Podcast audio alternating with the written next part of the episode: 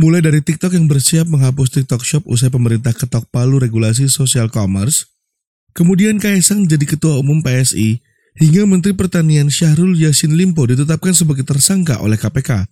Ini dia cuan alias cari tahu informasi sepekan edisi tanggal 25 sampai 30 September 2023. Cuan.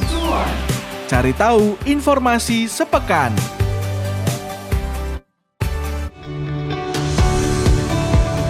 Berita pertama, pemerintah sedang gigih-gigihnya mempersempit manuver commerce yang diwakili TikTok Shop untuk beroperasi di Indonesia. Alasan utamanya terkait perlindungan UMKM lokal. Lewat belit anyar Peraturan Menteri Perdagangan Permendak Nomor 31 Tahun 2023, pemerintah mengunci ruang sosial commerce seperti TikTok Shop untuk mengkombinasikan layanan penjualan sekaligus pemasaran produk.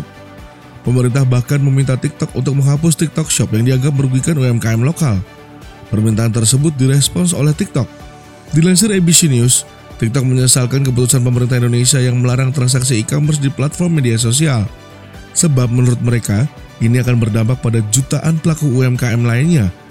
Meski begitu, TikTok dikabarkan bersedia mengikuti peraturan pemerintah Indonesia dengan menghapus TikTok Shop.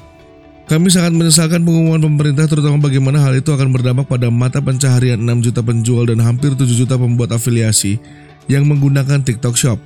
Demikian pernyataan TikTok dilansir dari ABC News.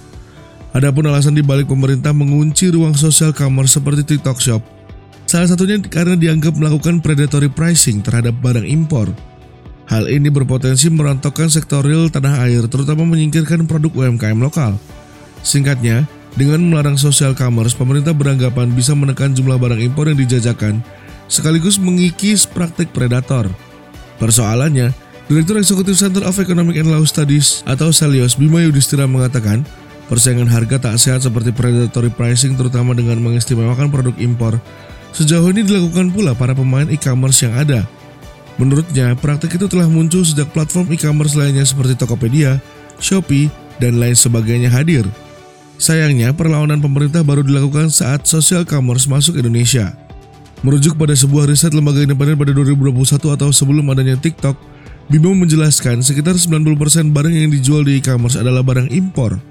Alhasil, ada sekitar 300 triliun rupiah uang dari barang impor yang beredar di pasar e-commerce Indonesia. Dengan demikian, predatory pricing juga sudah dilakukan jauh sebelum TikTok Shop masuk ke Indonesia. Berita kedua, putra bungsu Presiden Joko Widodo Kaisang Pangarep resmi bergabung dengan Partai Solidaritas Indonesia. Kaisang menerima kartu tanda anggota atau KTA yang diberikan langsung oleh jajaran elit PSI saat hadir mengunjungi kediaman Presiden Joko Widodo di Jalan Kutai Utara nomor 1 Sumber Banjarsari Solo, pukul 12.07 waktu Indonesia Barat. Melansir Solo Post, jajaran pengurus DPP PSI yang hadir di antaranya Ketua Dewan Pembina PSI Jeffrey Giovanni, Wakil Ketua Dewan Pembina PSI Grace Natali, Sekretaris Dewan Pembina PSI Raja Juli Antoni, Ketua Umum PSI Giring Ganesa dan Sekjen PSI Isyana Bagus Oka. Sebelumnya, kode Kaisang akan merapat ke PSI sudah ditunjukkan dalam berbagai hal, mulai dari spanduk dukungan PSI untuk Kaisang maju ke pemilihan wali kota Depok, hingga unggahan sebut saja mawar di akun sosial media DPP PSI. Kabar Kaisang akan merapat ke PSI juga sempat menjadi polemik lantaran ayah, kakak kandung dan kakak ipar Kaisang merupakan kader PDIP. Dalam ADART PDIP tercantum aturan jika keluarga inti kader PDIP tak boleh masuk partai lain selain PDIP. Meski demikian, Ketua DPP PDIP Jarod Saiful Hidayat mengaku tak mempermasalahkan Kaisang bergabung dengan PSI. Menurutnya, Kaisang sudah menikah dan dewasa sehingga bisa menentukan keputusannya sendiri. Jarod juga menambahkan dalam ADART PDIP yang tidak memperbolehkan adalah keluarga inti sementara Kaisang dinilai bukan keluarga inti lagi. Keluarga inti itu apa? Anak yang menjadi tanggungan kami belum menikah. Ini Kaisang kan sudah menikah. Jelas Jarod di kantor DPP PDIP Kamis 21 September. Adapun Ketua Umum Partai Solidaritas Indonesia Kaisang Pangarep beserta jajaran pengurus pusat partainya berencana sawan ke Presiden Joko Widodo dalam waktu dekat. Sebagai putra bungsu Jokowi, sebenarnya Kaisang bisa langsung menemui orang nomor satu di Indonesia itu namun dia menyatakan akan menemui Jokowi secara resmi. Sementara itu, Sekretaris Jenderal PSI Raja Juli Antoni menyebut bahwa surat resmi pertemuan akan segera diajukan. Adapun bergabungnya Kaisang dan tak lama setelahnya ia didapuk sebagai Ketua Umum PSI telah menuai sejumlah sorotan terlebih semua keluarganya adalah kader PDIP. Meski begitu, Kaisang dikabarkan telah mendapat restu dari Jokowi terkait hal tersebut.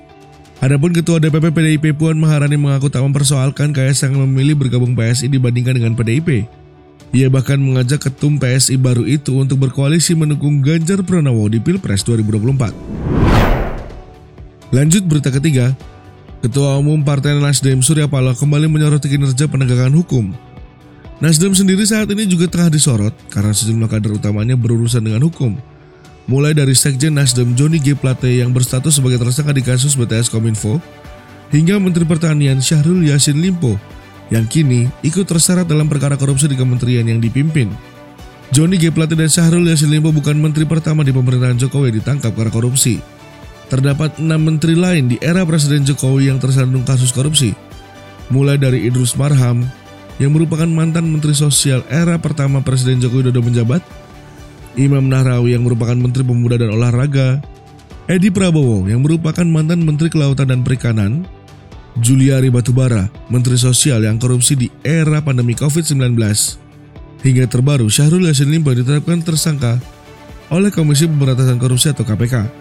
Adapun Komisi Pemberantasan Korupsi menggeledah rumah dinas Menteri Pertanian Syahrul Yassin Limpo hingga Jumat dini hari.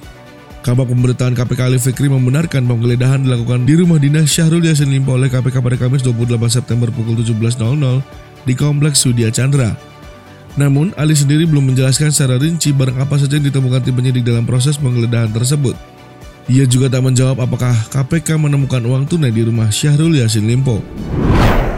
Oke deh sobat bisnis itu dia tadi cuan alias cari tahu informasi sepekan. Edisi tanggal 25 sampai 30 September 2023.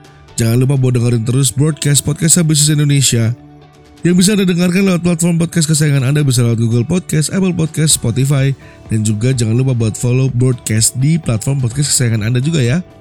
Dan Anda juga bisa cek sosial media broadcast di Instagram broad.cast untuk tahu info-info terbaru dan konten-konten menarik lainnya.